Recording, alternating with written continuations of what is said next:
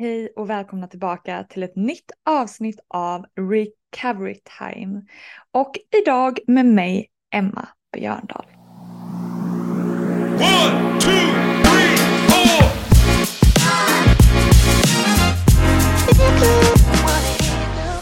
Idag är det grått.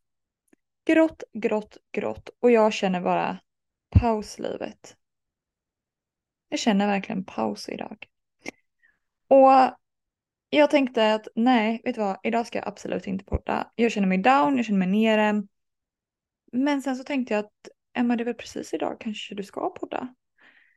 För idag är verkligen en sån dag som jag känner mig omotiverad, jag känner mig bara låg på energi, jag känner eh, vad är meningen? Eh, och nu menar jag inte i form av vad är meningen med livet, men jag känner mig bara så här allmänt frågvis till allt. Eh, och med det sagt, det är okej. Okay. Det är okej okay att ha sådana dagar. Och bara genom att jag pratar om det så känns det bättre. Och jag tänker verkligen så mycket på det här med motivation. Motivation är någonting som vi själva skapar.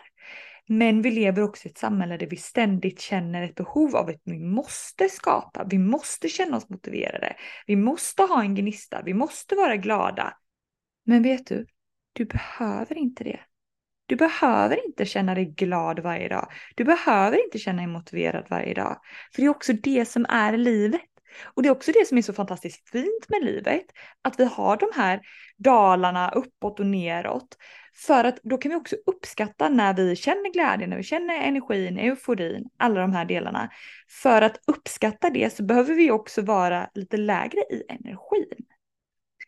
Men någonting som slog mig kring det här gällande motivationen är verkligen när jag träffar er i mitt arbete eh, där motivation såklart är en, en jättecentral del när vi pratar om en recovery.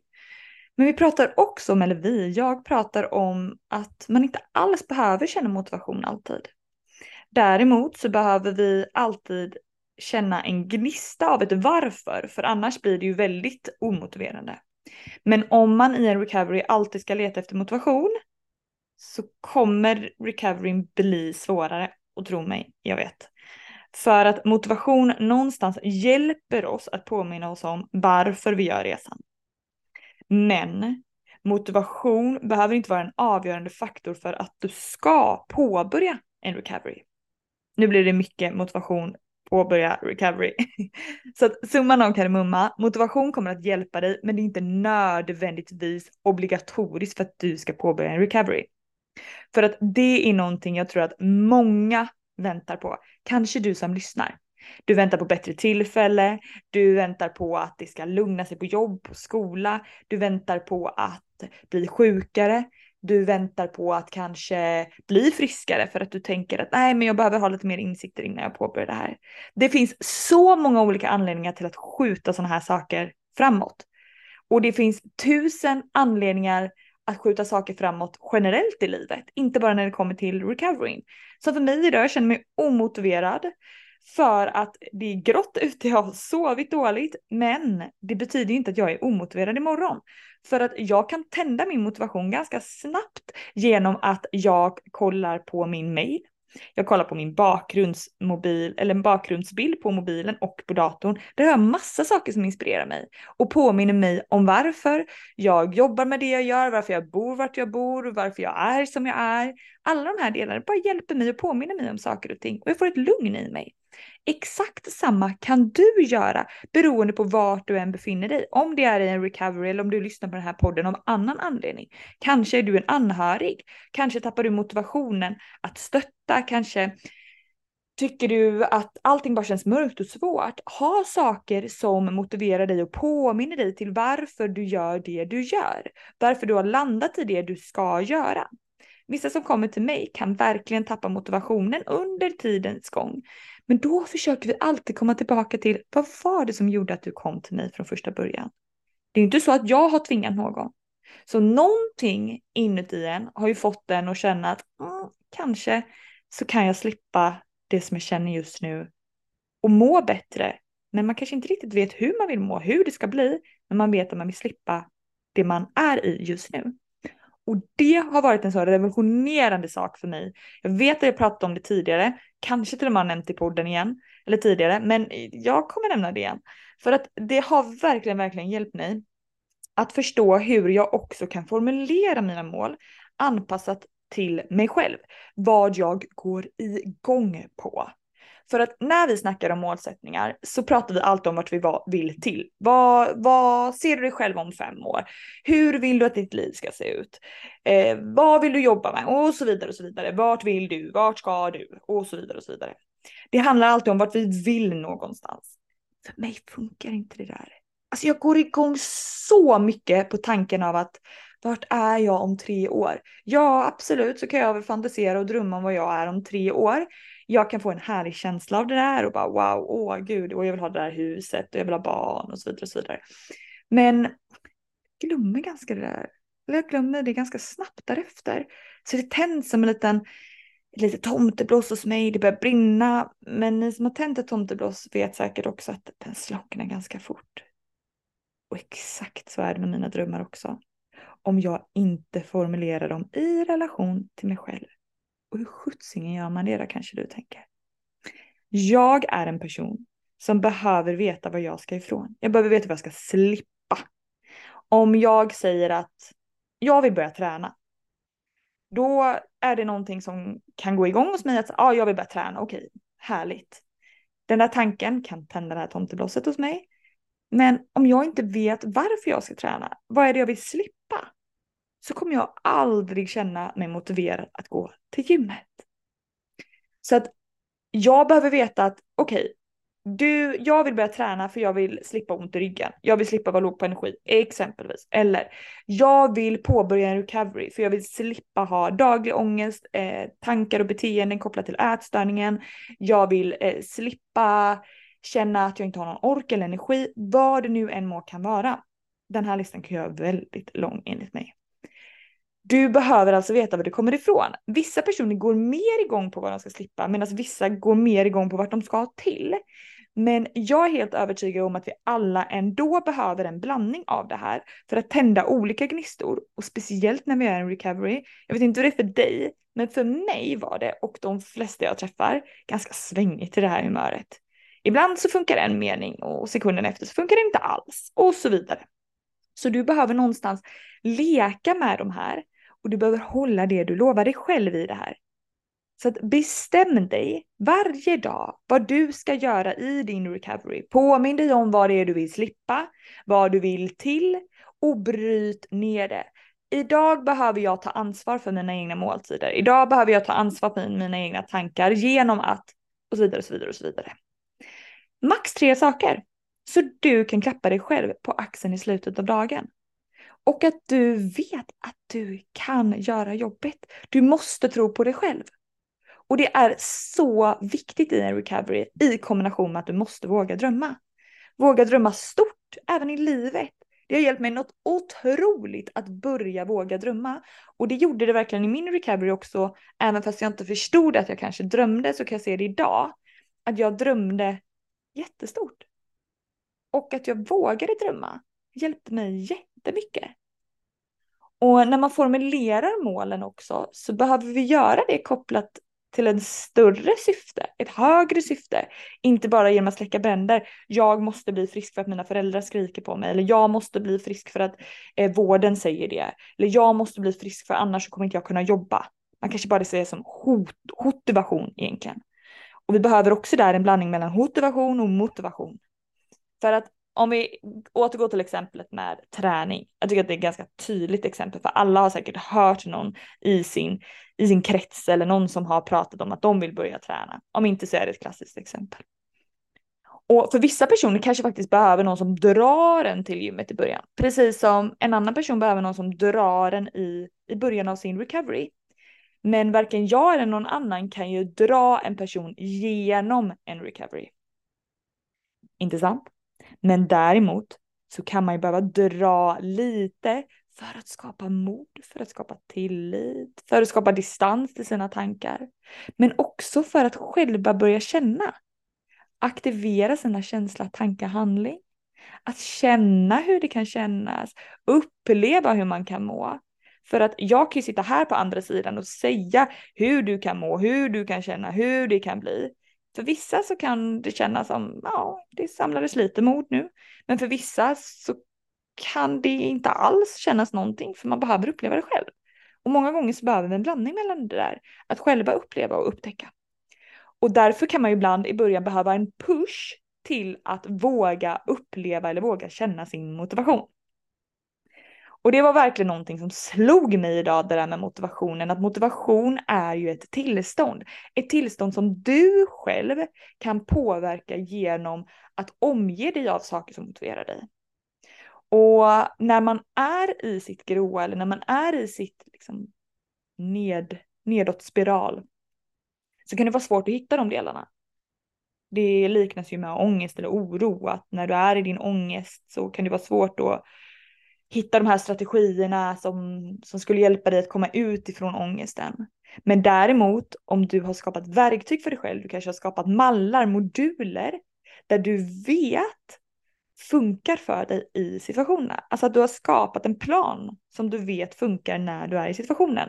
Till exempel i ångest eller när motivationen dalar. Det här jobbar jag jättemycket med mina klienter individuellt men också i kursen. Hur vi kan skapa motivation genom olika verktyg i vardagen. Påminnelse till oss själva helt enkelt. Så jäkla simpelt men så jäkla bra. Precis som jag hade en bakgrundsbild på datorn, på mobilen. Det hjälper mig att få igång den här gnistan. Påminna mig om varför. Påminna mig om att det är tillstånd, det går över och bara nu har det börjat gå över. Jag har druckit en kaffe, bokat in mig på en husvinvisning. Det var ju verkligen en, en liten on point här. Det, det behöver man ju inte göra för att få igång sin motivation, men det gjorde jag. Eh, och fick med Filip på det och nu känns det bättre. Fick reda på att jag ska få äta pannkakor ikväll. Det skapar också motivation till denna gråa dag. Helt fantastiskt. Alltså, göra sådana saker som jag vet att jag mår bra utav och där det känns bra igen. Det behöver inte vara svårare än så. Vi behöver inte krångla till det. Egentligen. Men till någonting helt annat som jag vill lyfta idag. Jag har haft ett coachningssamtal med en av mina fantastiska klienter idag. Och vi pratade om urinblåsan. Skjutsingen tänker du nu. Det lät jätteroligt när jag sa det. Urinblåsan ja, sånt kan vi prata om på våra samtal eh, också. För att när jag sitter i coachning så pratar vi om allt.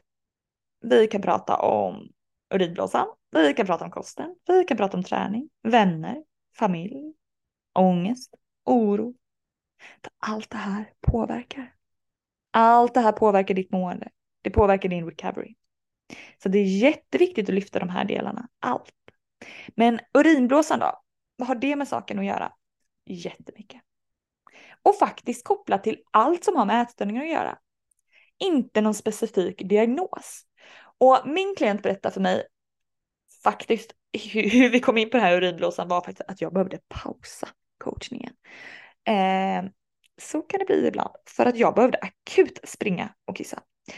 Och då kom jag tillbaka till henne och sa så här, men gud alltså förlåt, men jag kunde inte hålla mig. Och nu hade vi gått över tid så därför kändes det lite mer okej. Och jag hade verkligen suttit knipt och knipt och knipt och jag vill inte avsluta utan att avrunda. Eh, men då sa jag det till henne att så här, gud jag har, inte, jag har inte haft problem med det här på länge. Eh, men nu har det kommit igen att, att, att jag har svårt att hålla mig helt enkelt. Och det är kopplat, för mig är det jättemycket kopplat till stress också. Eh, och det är en del, det är det för alla rättare sagt. Men när jag var i min recovery och var sjuk hade jag extrema problem med det här. Jag sover fortfarande, egentligen vet jag inte varför, men av ren, av ren bekvämlighet, som ett skydd i sängen. För att jag hade en mental spärr, att jag var rädd att vakna på natten av att jag skulle kissa på mig. Och det hände. Alltså det hände och jag berättar precis det här i podden. Ja, nej men det gör jag. Jag tänker att det kan hjälpa någon. Eh, jag har egentligen jättemycket historier om det här.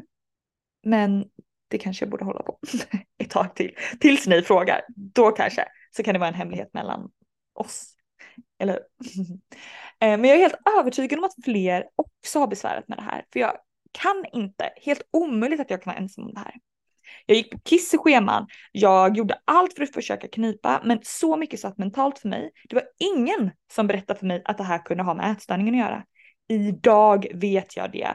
Tack och lov att jag själv har pluggat inom hälsa och hur kroppen fungerar. Så idag vet jag ju att urinblåsan påverkas ju jättemycket av vårt nervsystem.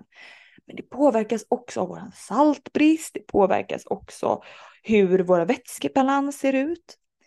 Allt det här. Men i, för att förenkla det här så har vi massa olika signalsubstanser och hormoner i kroppen. Inte bara könshormoner utan vi har olika, vi har ju stresshormoner exempelvis, kortisol. Så vi har olika hormoner i kroppen som har olika arbetsuppgifter, enkelt förklarat. Men vi har också olika signalsubstanser som talar om för olika delar i kroppen att nu kan du aktivera det här, nu kan du producera östrogen, nu kan du producera eh, progesteron exempelvis. Men vi har också hormoner som talar om att, eller se till att våra njurar fungerar, vår rening fungerar, alla de här delarna. Men vid olika typer av stress så minskar den här funktionen. Och stress kan tes på olika sätt. Vi kan eh, känna och vi kan uppleva stress på olika sätt, men kroppen kommer alltid hantera det på samma sätt. För den vet inte skillnad om det är en ätstörning, om det är kemiskt, om det är fysiskt, om det är mentalt, emotionellt. Utan den hanterar det alltid på samma sätt. Men exempelvis vid eh, egentligen alla ätstörningsproblematiker så är det många som har svårigheter kring att hålla tätt. Men framför allt vid Eh, restriktion eller restriktivt ätande där man inte får i sig tillräckligt med energi. Och då kan du få näringsbrister och framför allt vid proteinbrist så kan man få svårigheter av att hålla tätt. Och såklart är det här skitjobbigt, i alla fall om jag utgår från mig själv. Men du är inte ensam om du lyssnar på det här. Jag är här och jag har många klienter som också upplever det här. Vid hetsätning exempelvis, där man kompenserar via kräkningar, så störs ju också vätskebalansen i kroppen. För varje kräktillfälle som du lyckas stå över jämfört med dagen innan så kommer din kropp att samla på dig vätska. Och det här innebär att om du övergår från att kräkas några gånger om dagen till en så kommer du känna dig mer vätskefylld. För att vätskeansamlingar kommer också i kombination med hur dina vätskebalans är i kroppen. Så att få mer vätskesamling i exempelvis benen kan också ha att göra med vätskebalansen i form av din kompensation. Och det här innebär ju också att kroppen hamnar i obalans och att det är svårt för den att reglera vätskan som du många gånger då, om man har kompenserat via kräkning exempelvis, kräkts upp.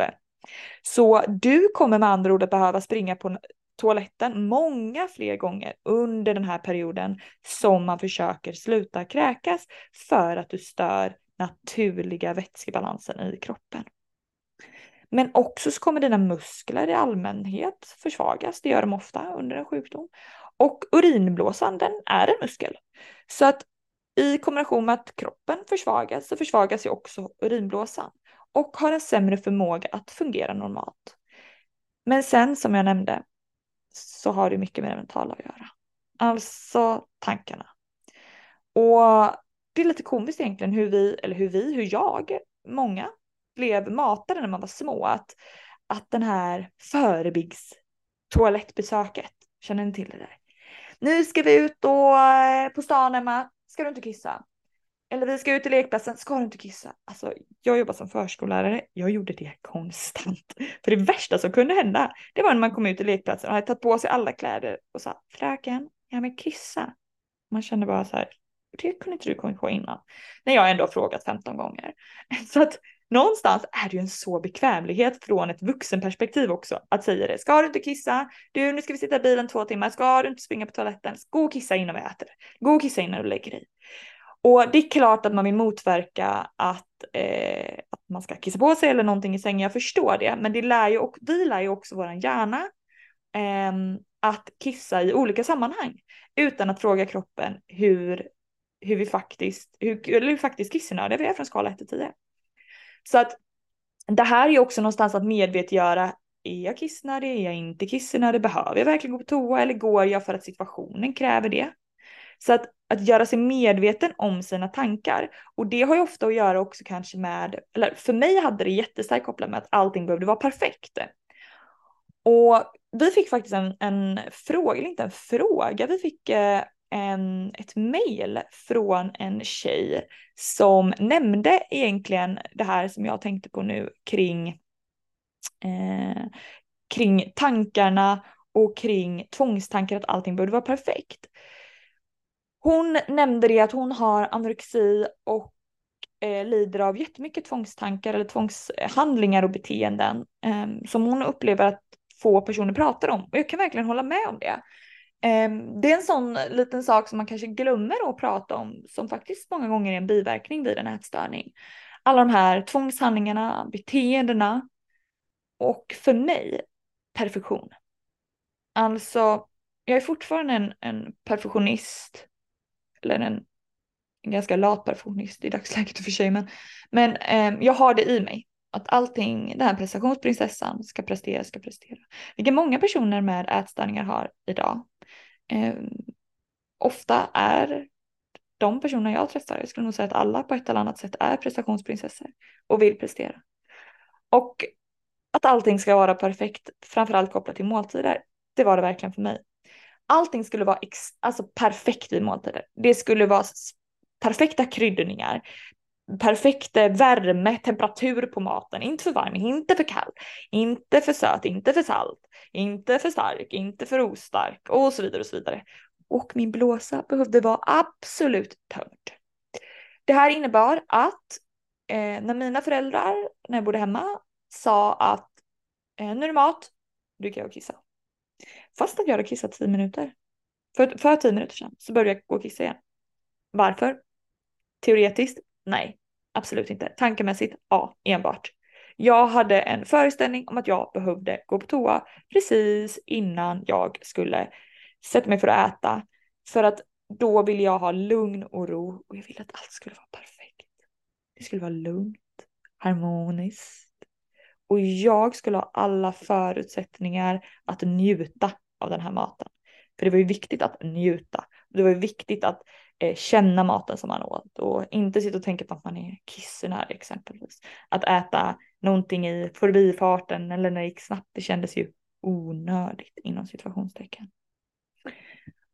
Och det påverkade ju också såklart min urinblåsa. Alltså den här stressen för det första att allting skulle vara perfekt. Men sen också den här rent rutinmässiga eller de här rutinmässiga toalettbesöken. Av vilken anledning? Bara perfektion. Och bara mentala delar som satt för mig mentalt. Så det var därefter jag började också med, den här, eller med det här kisseschemat. Att jag skulle göra mig medveten. Ja, för, er, för det som inte vet vad kisseschema är. Kanske inte ens någon har hört innan. Eh, det handlar egentligen om att, att göra sig medveten om sina toalettbesöksrutiner. Att så här, okej. Okay, eh, exempelvis, vi börjar på morgonen. Jag, det första jag gör när jag eh, vaknar på morgonen och går på toa. Anledning, kissnödig. Hur mycket? 1 till 10. Ja, 10 kissnödig på morgonen. Hade jag druckit innan? Nej. Eh, hur länge sedan var det var på toa? Ja, kanske 7-8 timmar sedan. Rimligt? Ja, ganska. Är ni med? Men det kan också vara så här, eh, toalettbesök eh, två minuter innan lunch. Anledning, skulle äta lunch. Kissnödig på skala 1 till 10. 2. När kissade du innan? 15 minuter sedan. Rimligt? Nej. Att bara medvetgöra de här beteendena. Så att är du, eller ha, är du just nu i samma situation som jag har varit, så börja tänk på det och börja med någon måltid att ta bort perfektionen. Jag började på eh, frukosten och mellanmål kommer jag ihåg. Att de inte behövde vara så perfekta. Mitt kvällsmål skulle alltid vara perfekt. Alltså alltid. Frågan om det var, skulle vara frukosten också i och för sig nu när jag säger det. Ja, strunt samma. Kontentan är ju att du ska gå till dig själv ändå. Men för mig var det verkligen kvällsmål som var heligt. Och de andra måltiderna, eller några andra måltider, kunde jag utmana mig mer att de inte behövde vara så perfekta. Jag behövde inte äta på samma bestick, jag behövde inte äta eller på samma tallrik med samma bestick. Eller jag behövde kanske inte ha kissat en eller två minuter innan jag skulle äta. Kanske räckte det men kvart innan då om jag hade kissat då. Och bara liksom eh, strunta att allt behövde vara perfekt. Alltså hämta inga mer kryddor, ät den maten som var nu. Börja inte krydda upp det eller hålla på, värma på, kallna på eller vad sjuttsingen man nu än kan göra. att så här bara finn dig för vad du är. För att det kommer också reglera din stress. Och när du reglerar din stress så kommer det också att gynna din urinblåsa och på det sättet dina njurar. För att från mig till dig så ta tag i det här nu om du upplever de här problemen. För att här sitter jag idag 10, 11, 12, 13 år senare och fortfarande lite problem obviously. Inte alls i samma utsträckning men jag har verkligen utmaningar i att eh, hålla mig och att inte kissa så många gånger. Eh, jag kissar fortfarande två till tre gånger per natt. För mig är det i dagsläget bra för att det har varit så mycket sämre. Ehm, men hade jag lärt mig att hålla tätt mer, hade jag lärt mig att knipa mer, så jag är helt övertygad om att jag hade haft andra förutsättningar idag. Så att verkligen ett genuint tips från mig till dig om du upplever samma symptom. Så ta tag i det nu och våga utmana dig i perfektionen. Våga utmana dig att allting inte behöver vara perfekt. Vad händer om det inte är det? Vad händer om du struntar i att gå på toa? Vad händer om du jobbar med din recovery och din, på det sättet din urinblåsa? Och vad händer om du faktiskt hittar anledningar? Eller hittar orsaker, saker som faktiskt får dig att motivera dig? Att våga hitta saker som motiverar en. Att våga hitta påminnelser. För det handlar ju också om mod. Man kanske blir rädd när man hittar saker som motiverar en. Att eh, våga fråga dig, alltså våga ifrågasätta i så fall de känslorna och de tankarna. Allting handlar om det. Våga ifrågasätta, våga bemöta, våga landa i det och inte bli bekväm. Läskigt, jag vet. Men vet du? Om du lyssnar på det här så är jag helt övertygad om att du har mod. Du vill lära dig. Du vill få tips och tricks om hur du kan må bättre. Och att du sitter här, lyssnar på det här, betyder ju också att du har insikter i att du kan må bättre. Ta tillvara på dem. Och kom ihåg att det är bara ett mejl bort. Har ni några frågor? Har ni några tankar, kommentarer på detta? Berätta din urinblåsa. Hur mår du? Har du gått på kissschema? Berätta. Vi har en dialog, vi har en kommunikation. Och återigen, du är inte ensam. Vi ses och hörs nästa vecka. Two, one, yeah!